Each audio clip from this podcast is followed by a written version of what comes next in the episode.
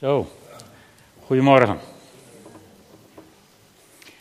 Ik wil het vandaag met jullie hebben over het thema sleutels. En uh, we lezen daarvoor uit Matthäus 16, heel bekend stukje. Matthäus 16, vers 13 tot 19. En er staat toen Jezus in het gebied van Caesarea Philippi kwam, vroeg hij zijn leerlingen: Wie zeggen de mensen dat de mensenzoon is? Ze antwoorden: Sommigen zeggen Johannes de Doper, anderen Elia, weer anderen Jeremia of een van de andere profeten. En dan denken wij dat deze tijd postmodern is, maar zo postmodern was het dus toen al. Hè? Iedereen had zijn eigen mening. Iedereen vond zijn eigen ding en, en Jezus vond dat kennelijk goed, want hij zegt daar niks verkeerds over. Integendeel, hij vraagt er zelfs nog een mening bij, want hij zegt tegen de discipelen: En wie zeggen jullie dat ik ben? En dan zegt Petrus: U bent de Messias, de zoon van de levende God. Daarop zei Jezus tegen hem: Gelukkig ben je, Simon Barjona, want dit is je niet door mensen van vlees en bloed geopenbaard, maar door mijn Vader in de hemel. En ik zeg je: Jij bent Petrus, de rots waarop ik mijn kerk zal bouwen, en de poorten van het dodenrijk zullen haar niet kunnen overweldigen. Ik zal je de sleutels van het koninkrijk van de hemel geven. En al wat je op aarde bindend verklaart, zal ook in de hemel bindend zijn. En al wat je op aarde ontbindt, zal ook in de hemel ontbonden zijn. Goed, dus in de Bijbel komen wij Petrus tegen, die de sleutels van het koninkrijk krijgt. Mensen hebben daar in de loop van de eeuwen allerhande betekenissen aan verbonden. En ook allerhande autoriteit aangeprobeerd te ontlenen. Tot zelfs rechtstreekse erfopvolging van Petrus toe. Dus in één kerk loopt iemand rond die meent dat hij alleen de sleutels van het koninkrijk heeft. In vele andere kerken, daar denken hele kerkenraden dat ze de sleutels van het koninkrijk hebben op vele evangelische terreinen, daar wordt voorgangerswijs gemaakt dat wij de sleutels van het koninkrijk hebben. Maar hoe zit het nou eigenlijk? Waar gaat het eigenlijk over? Nou, om daarachter te komen, leek het mij handig om even te kijken waar sleutels voorkomen in de Bijbel. En uh, de belangrijkste sleutels die je vindt, dat zijn er drie. Dat zijn de sleutels van het koninkrijk. Elders in de Bijbel gaat het over de sleutel van David. En in hetzelfde stukje in Openbaringen gaat het over de sleutel van het dodenrijk of van de hel. Nou, laten we bij de eerste beginnen. De sleutels van het koninkrijk. Hoe zit dat met de sleutels van het koninkrijk? Jezus zegt het tegen Petrus in vers 19: Ik zal jou de sleutels van het koninkrijk van de hemel geven. En al wat je op aarde bindend verklaart, zal in de hemel bindend zijn. En wat je op de aarde ontbindt, zal ook in de hemel ontbonden zijn. Dus daar hangen nogal wat consequenties aan. Het hebben van die sleutel, zoals het lijkt. Maar wat zijn eigenlijk precies die sleutels van het koninkrijk? Dat is iets om eens even over na te denken. En in de Bijbel is het nog een keer het beste om dan eerst eens in de context van het verhaal zelf even te kijken. Waar die sleutels van het koninkrijk voor het eerst worden geïntroduceerd. Jezus vraagt aan zijn discipelen: En wie ben ik volgens jullie? En dan komt Petrus met die prachtige verklaring: U bent de Messias, de zoon van de levende God. En ik denk dat we daar heel dicht bij de sleutel van het koninkrijk komen. En, en, en als Jezus dan tegen Petrus zegt: Jij bent Petrus de rots en op jou zal ik mijn kerk bouwen. Dan is dat maar de vraag of Jezus besluit om op het individu Petrus zijn kerk te bouwen of op de beleidenis, op de hartsgesteldheid van Petrus zijn kerk te bouwen. Nou, ik hoor niet bij degenen die denken dat Petrus de rots is waar de kerk op gebouwd is. Maar dat juist de beleidenis van Petrus de rots is waar de kerk op gebouwd is. De beleidenis dat Jezus de Messias is, de zoon van de levende God. Dat is volgens mij het fundament van zijn kerk op deze wereld. Dat is waar het om gaat. En, en het mooie vind ik dat Jezus tegen Petrus zegt: Gelukkig ben je, Simon Barjona, want dit is je niet door mensen van vlees en bloed geopenbaard, maar door mijn Vader in de hemel. Dus, dus het is geopenbaard. En dat betekent dat de sleutels tot het koninkrijk niet te maken hebben met een positie, maar met, met iets wat je weet. Met kennis, in ieder geval met geopenbaarde kennis. Met iets wat je, ja, wat God je heeft duidelijk gemaakt. En die sleutel die ligt dus niet in wat de mensen zeggen.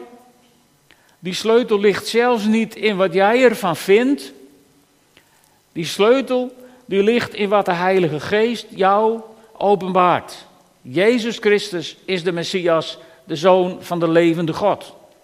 En dat kun je alleen erkennen als de Heilige Geest dat in jou heeft bewerkt. Dat is die, die, die, die lastig te omschrijven rol van hoe, hoe werkt het met geloof. Nou, dit is het stukje geloof wat je krijgt van de Heilige Geest. De Heilige Geest openbaart het je, die laat het je zien. En dan is het aan jou en mij om dat aan te nemen of niet. Maar het is geopenbaard. En het is dus kennis. En als je niet oppast, dan wordt die kennis, dan wordt die sleutel weggenomen door allerhande vormen van wetticisme en religie. Dat komen we in de Bijbel ook tegen. In Lucas 11, vers 52, daar zegt Jezus tegen de wetgeleerden: Jullie hebben de sleutel tot de kennis weggenomen. Zelf zijn jullie niet binnen gegaan. En anderen die wel naar binnen wilden gaan, die hebben jullie tegengehouden. Dit zegt ook al iets over het binden en het ontbinden. Dit is dus niet zozeer dat je iemand, zeg maar, de toegang tot het koninkrijk van God kunt ontzeggen, maar veel meer, ja, eigenlijk wat hier staat. En ik denk dat we bij binden en ontbinden daarin veel meer moeten denken aan, het bieden van geloofszekerheid, aan mensen die daarom zoeken, zodat ze vast geworteld raken in de liefde van Christus. En dat we bij het ontbinden veel meer moeten denken aan het bevrijden van de machten van de duisternis die mensen verhinderen om bij Jezus Christus te komen. En als je daar zo naar kijkt, dan gaat dat heel erg lijken op wat Jezus citeerde toen hij voorlas uit Jesaja in Nazareth in de gemeente. Want wat zegt Jezus daar? De geest van de Heer rust op mij, want hij heeft mij gezalfd. En waarvoor?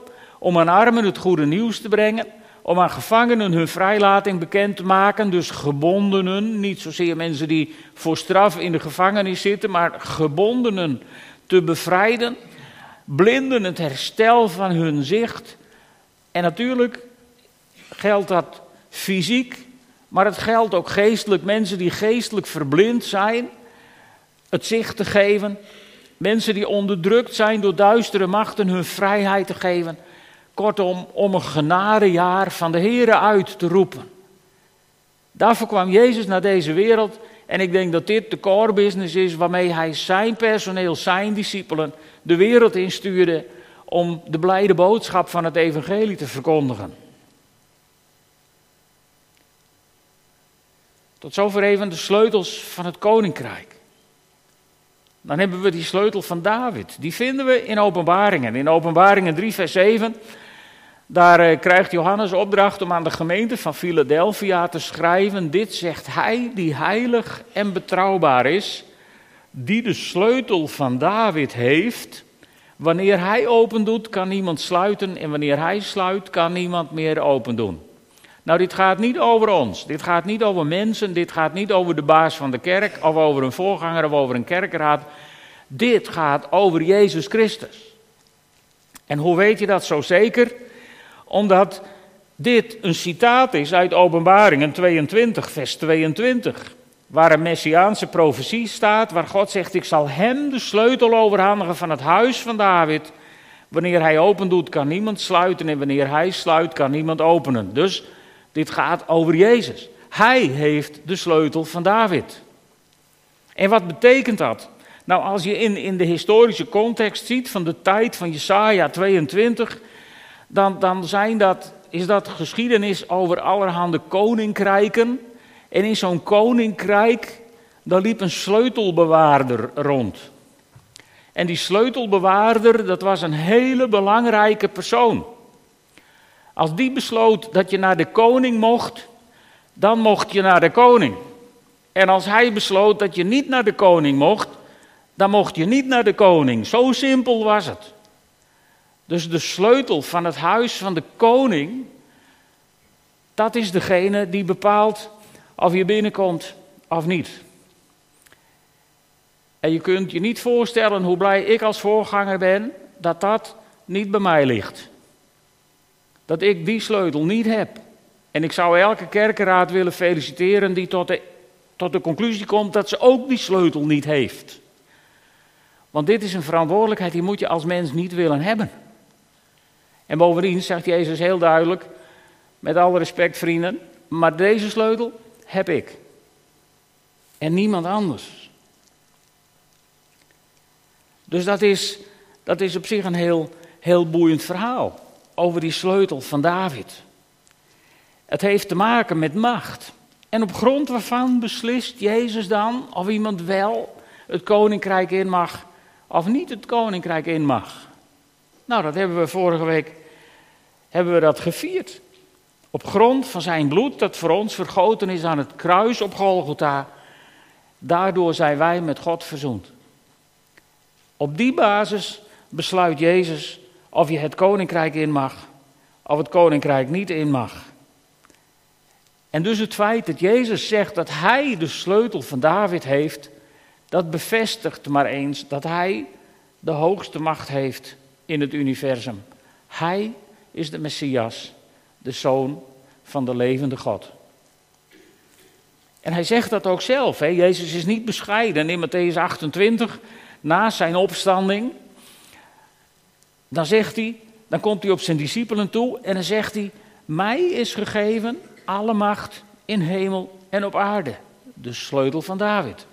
Mij is gegeven, zegt Jezus. Hij zegt niet, ik geef jullie alle macht in hemel en op aarde. Hij zegt, vrienden, mij is gegeven alle macht in hemel en op aarde. En dan zegt hij tegen zijn discipelen, ga dus op weg. Maak alle volken tot mijn leerlingen door hen te dopen in de naam van de Vader en de Zoon en de Heilige Geest. En hun te leren dat ze zich moeten houden aan alles wat ik jullie opgedragen heb. En houd dit voor ogen. Ik ben met jullie alle dagen tot aan de voltooiing van deze wereld. Dus Jezus zegt niet, ik geef jou alle macht. Hij zegt, mij is gegeven alle macht. En zit er niet over in, want ik ben met jou alle dagen tot aan de voltooiing van deze wereld. Met andere woorden, wat kan je helemaal overkomen? Nou, genoeg. Maar als Jezus erbij is, staat dat in een ander perspectief dan als Jezus daar niet bij is.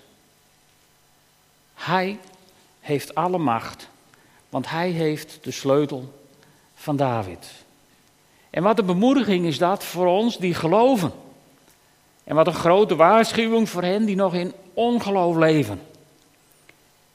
Wat Christus zegt is dit: Ik ben de Messias, ik heb de hoogste macht in het koninkrijk der hemelen.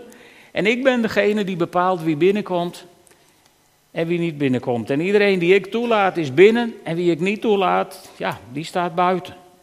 Ook voor die gemeente in Philadelphia moet dit een geweldige bemoediging geweest zijn. En wanneer wij verzoend zijn door Jezus Christus met God, door zijn bloed vergoten voor ons en door zijn opstandingskracht, zijn wij verzoend met de levende God. Geweldig. Om in die zekerheid te mogen leven. Want als we verzoend zijn met God door Jezus Christus, dan zijn we binnen. En de wereld kan die deur naar het koninkrijk niet sluiten. Niet door vervolging, Niet door gelovigen te bespotten, niet door gelovigen in een kwaad daglicht te stellen. Want niet de wereld is de deur, maar Jezus Christus is de deur. Wat Bert in de opening heeft gelezen. En door Jezus Christus komen we binnen. En de kerk kan overigens deze deur ook niet sluiten voor hen die zich niet aan de regeltjes houden. Goed, de derde sleutel. De sleutels van het dood en de dodenrijk komen we ook tegen in openbaringen. En dan zien we allereerst wie deze sleutel heeft. Ik ben degene die leeft. Ik was dood, maar ik leef. Goede Vrijdag en Paaszondag. Nu en tot in eeuwigheid. Ik heb de sleutels van het dood en het dodenrijk. Nou, dat hoef ik jullie niet uit te leggen wie ik hier is. Dat ben niet ik. Dat is niet de voorganger. Dat is niet de kerkenraad. Zelfs niet de paus. Maar dat is God. Jezus Christus. Hij maakt heel duidelijk: vrienden, ik heb de sleutels van, het dood, van de dood en het dodenrijk. Maar dan zie je vervolgens iets, iets heel interessants. Want die sleutel wordt door Jezus aan iemand gegeven. Allereerst wordt hij in Openbaringen 9, vers 1 gegeven aan een engel die als een ster uit de hemel valt. En dat is Satan. Misschien even schrikken, maar Satan die krijgt de sleutels van de dood en het dodenrijk. Van de put naar de onderaardse diepte. En die heeft hij geopend. En de wereld heeft het geweten, de wereld weet het nog elke dag. En je hoeft maar te kijken wat er met name in het Midden-Oosten momenteel allemaal gebeurt en wat er in Afrika gebeurt, om tot één conclusie te komen. Die put staat wijd open en alle ellende die erin zat, die is er kennelijk uitgekropen om deze wereld te verzieken. Maar we hebben één troost. Aan die tijd komt een einde. Satan heeft niet deze sleutel voor goed gekregen, want we lezen in Openbaringen 20, vers 1, dat plotseling een andere engel die sleutel heeft. En die komt uit de hemel met de sleutel van de onderaardse diepte en met zware ketenen in zijn hand. En we weten dat Satan en al zijn trawanten geketend zullen worden en opnieuw in die put gegooid. En dan gaat hij weer op slot. Dan is dat voorbij. Dus die sleutels van dood en dodenrijk, ook die sleutels, die hebben we niet en die krijgen we niet, nu niet en nooit niet. Gelukkig maar. Laten we daar ontzettend blij mee zijn dat dat niet zo is. Weet je, ik zie in dit verhaal, in dit stukje, een grote gelijkenis, een grote gelijkenis met de gelijkenis van het onkruid. Die heb ik een tijd geleden met jullie besproken uit Matthäus 13, vers 24 tot 30. Weet je, daar zijn het ook de engelen die maaien en sorteren aan het eind. Even ter opfrissing. de koning of de, de landheer die goed zaad in zijn akker zaait. De vijand die er verkeerd zaad tussen zaait. Het zaad wat niet van elkaar te onderscheiden is. Tot de vruchten komen. Wat aan de vruchten ken je de boom. En dan willen de dienstknechten die willen al het verkeerde eruit trekken en weggooien. En de landheer die zegt nee, want dan trek je ook goed spul uit. Dat doen we aan het eind wel. En dan staat er in Matthäus 13, vers 39, de maaiers, dat zijn de engelen. En zoals het onkruid bijeengebonden wordt en in het vuur verbrandt, zo zal het gaan bij de voltooiing van deze wereld. Dus dat zijn de engelen die het doen. Wij zijn, wij, wij dus in ieder geval niet. Toch hebben wij als mensen iets in ons wat te maken heeft met oordelen. Wij kunnen zo gefocust zijn op wat mensen zeggen. Zoals die vraag van Jezus, wat zeggen de mensen? En vervolgens beoordelen we de mensen op wat ze zeggen. Het is ook een beetje wat, wat, de pers tegenwoordig doet. Je vraagt iemand om zijn mening, vervolgens maak je hem af op zijn mening. En ook in de kerk zie ik dat gebeuren en dat, dat, dat moet niet zo zijn. Het gaat niet om wat mensen zeggen en mensen denken. Want weet je, we weten zelf ook wel wat we denken. Ieder van ons heeft zijn eigen overtuigingen. En wat zou het verschrikkelijk handig zijn als je ieder die een andere overtuiging had en jij gewoon de kerk uit kon gooien. En dan was je met allemaal precies gelijkgestemden bij elkaar. De kerk was misschien wat klein, was volgens mij ook doodsaai. Dat is de andere kant van de medaille. Maar wat zou het handig zijn als dat gewoon zou kunnen? Uittrekken dat onkruid en weg ermee. Het is echter nog maar de vraag of jouw opvatting of mijn opvatting altijd de juiste is. Ben jij ervan overtuigd dat wat jij vindt altijd een openbaring van de Heilige Geest is? Nog dichterbij twijfel jij nooit aan je eigen mening? Levensgevaarlijk, weet je dat? Levensgevaarlijk. Want volgens mij groeit het koninkrijk op de kunstmest van de twijfel. Levensgevaarlijk. Betekent ook dat je niet denkt. En omdat het in dit verhaal over mensen gaat, wil Jezus daar niet van weten. Het risico is hem te groot dat met, het verkeerde, met de verkeerde plantjes ook goede plantjes worden uitgetrokken.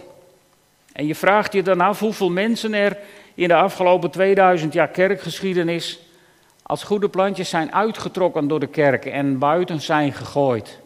Hoeveel christenen er door medegelovigen zijn vermoord omdat ze toevallig een andere opvatting over sommige dingen hadden dan de inmiddels al lang achterhaalde opvatting van de kerk van toen. Alleen dat bewijst al hoe gevaarlijk dit is. En dat moet stoppen. Want zoals in de gelijkenis God aankondigt dat hij wacht met het oordeel, zo toont de hele Bijbel ons dat God wacht met het oordeel tot het aller, aller, allerlaatste. En dat is wat wij ook zouden moeten doen. Bovendien zijn degenen die het sorteerwerk doen, dat zijn engelen, dus daar moeten we afblijven. Want ik denk nog steeds dat God meer geloof heeft voor bekering van onkruid dan voor aantasting van goede plantjes. We moeten niet zo bang zijn in de kerk, niet zo kinderachtig. Ons advies ligt niet, of onze opdracht ligt niet in het verspreiden van angst, maar in het verspreiden van het koninkrijk. En het verspreiden van het koninkrijk, daarvoor hebben wij dus de sleutels gekregen. De sleutels van het koninkrijk van God zijn aan ons gegeven. En met die sleutels bepalen wij niet wie wel bij de koning komt en wie niet bij de koning komt. Met die sleutels zetten wij de eerste deur open, waardoor mensen aan hun reis met Christus kunnen beginnen. En, en wat zijn dan die sleutels? Nou, ik geloof dat die hier liggen. Dit is een Bijbelgedeelte wat, wat me al, al een jaar achtervolgt. 2 Korinthe 5, vers 17 tot 20. Daarom is iemand die één met Christus is, een nieuwe schepping.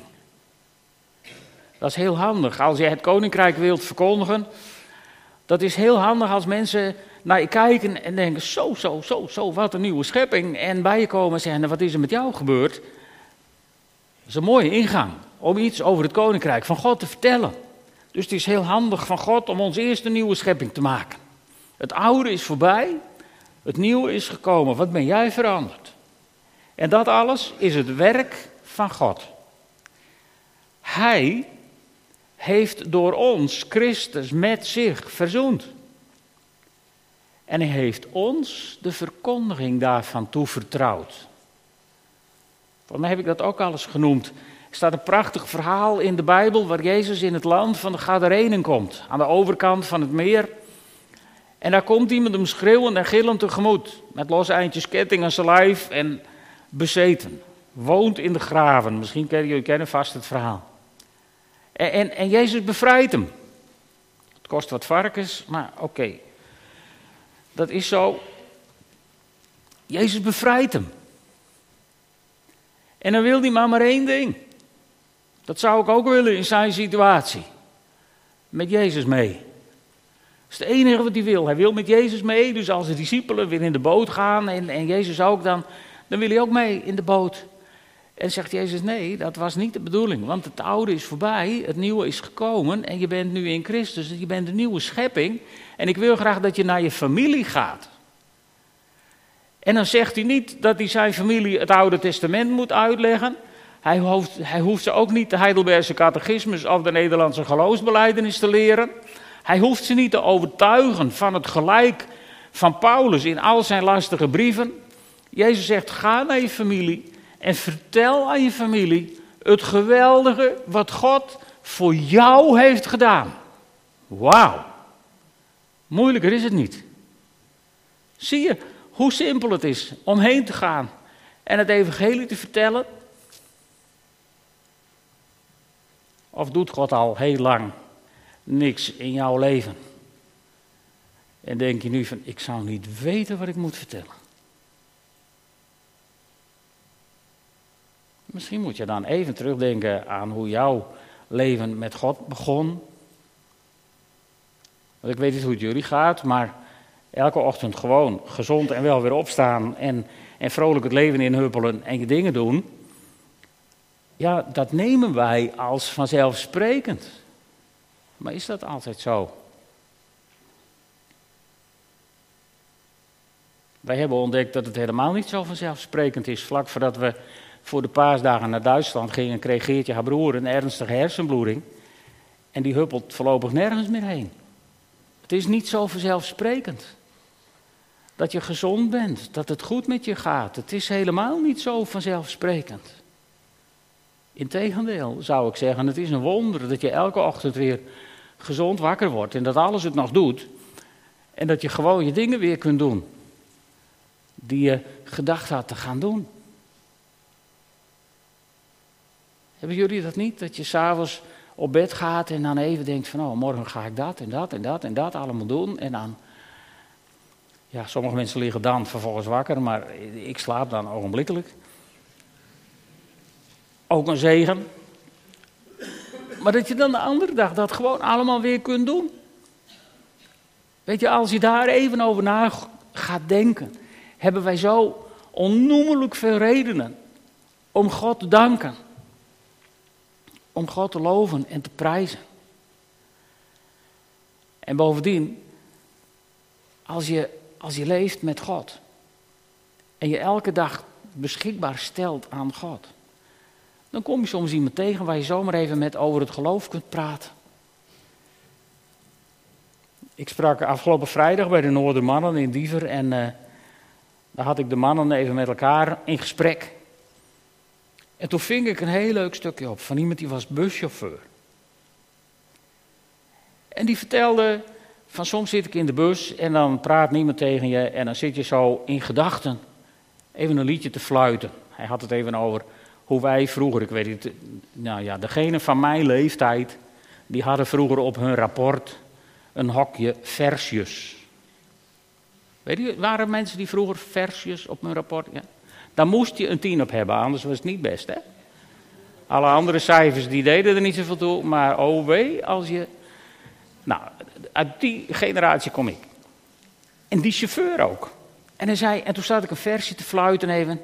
En toen gingen er twee oude mensen, die gingen de bus uit. En die klopten hem op de schouder en die zeiden, fijne chauffeur, dat we zo met God mogen leven. En toen dacht ik, hoe simpel kan het zijn om even iets van het evangelie in jou te laten zien aan de wereld? Dit was wel de meest simplistische vorm die ik ooit had gehoord, maar ik vond hem geweldig. En wat had ik vroeger een hekel aan het leren van die versies.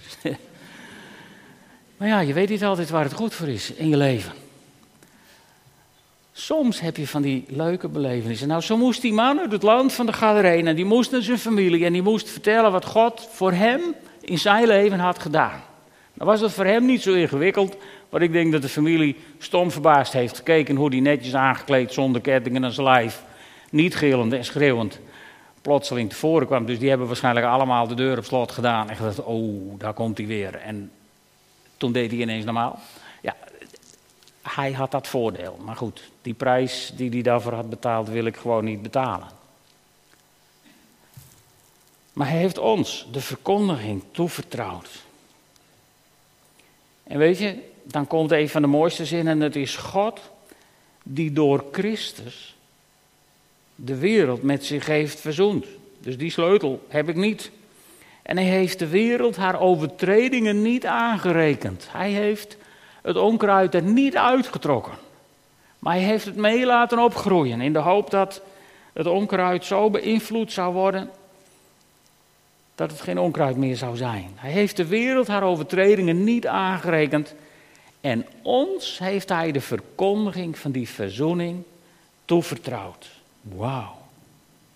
En wat is dan de grote sleutel die wij hebben gekregen? Die staat vooral in vers 20.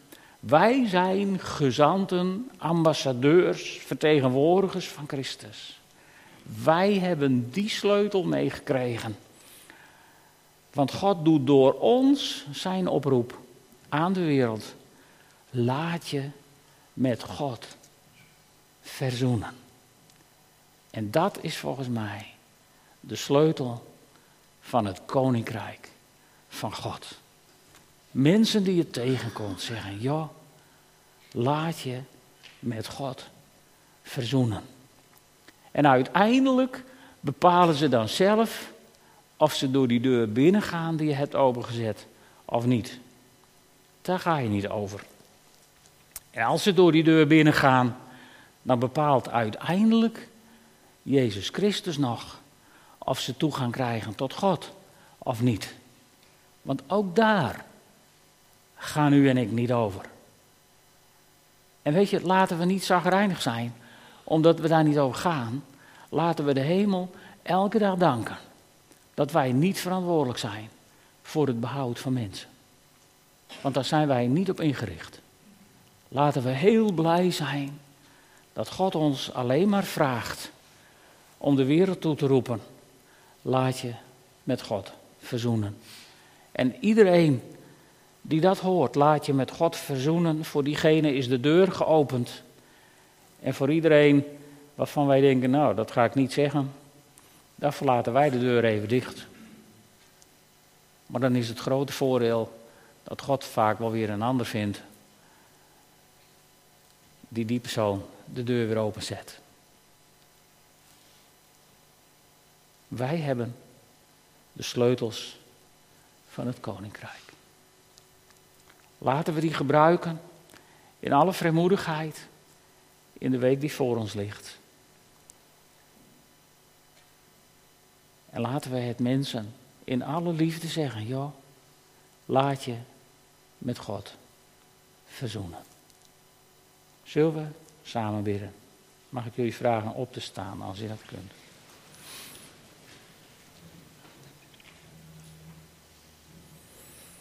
Vader God, ik wil u allereerst danken voor de sleutels die we niet hebben gekregen. Ik wil u allereerst bedanken, heren, voor de verantwoordelijkheden die u niet op onze schouders hebt gelegd. Maar ik wil u ook bidden om ons steeds bewuster te maken van de sleutel die we wel hebben. En ik wil u bidden, heren, vergeef ons al die keren dat we hebben gezwegen. Vergeef ons de gemiste kansen. En geef ons opnieuw kansen, Heer. Geef ons nieuwe gelegenheden. Geef ons nieuwe mogelijkheden. Maar overtuig ons er ook in onze harten van. Wat u in ons hebt gedaan. Heer, soms zijn we het, zijn we het zo kwijtgeraakt door de jaren. Maar spreek tot onze harten. Heer, als we zo een, een moment stil voor u staan.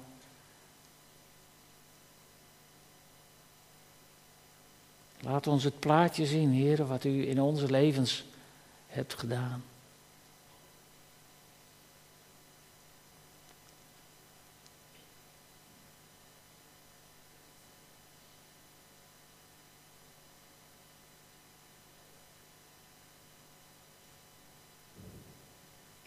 Geef ons stof voor gesprekken, Heer.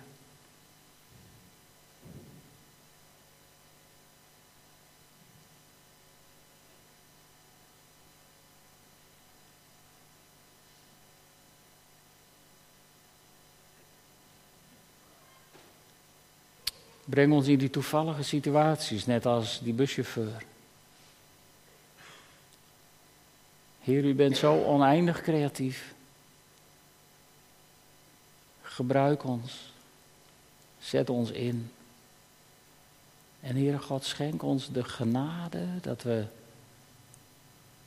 zullen gaan beleven. Dat mensen worden aangeraakt door uw Heilige Geest.